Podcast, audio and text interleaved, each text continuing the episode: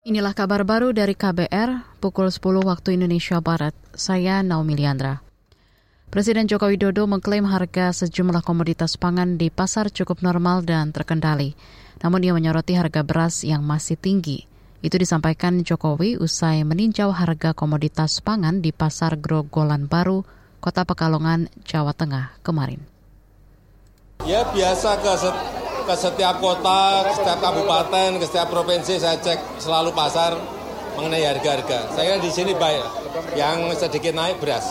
Ya, yang lain-lain saya kira banyak yang turun. Bawang merah turun, jadi eh, daging ayam juga, telur juga, saya kira baik. Beras saja yang apa sedikit naik. Ya, udah. Dalam kunjungan kemarin, Presiden Jokowi memberikan bantuan sosial kepada para pedagang yang ada di Pasar Grogolan Baru.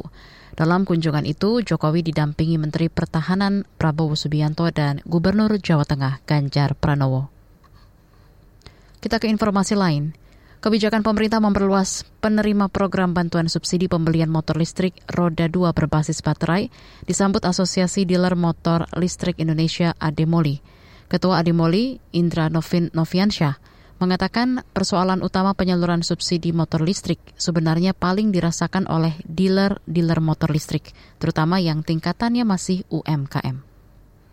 Selain itu KTP, Alhamdulillah yang sudah diselesaikan pemerintah, adalah pencairan yang sangat berbelit-belit dan sangat-sangat lama, Pak baru boleh ditagihkan cairnya di tanggal 15 di bulan berikutnya, Mbak. Itu jadi sekitar 5 minggu sampai 6 minggu. Lucunya, kami mesti membeli harga normal, Mbak, ke pabrik. Gitu. Katakanlah harga normalnya itu 10 juta, 9 juta. Nah, kami mesti nalangin tuh, Mbak. Selisihnya itu sekitar 7 juta sampai 9 juta, Mbak.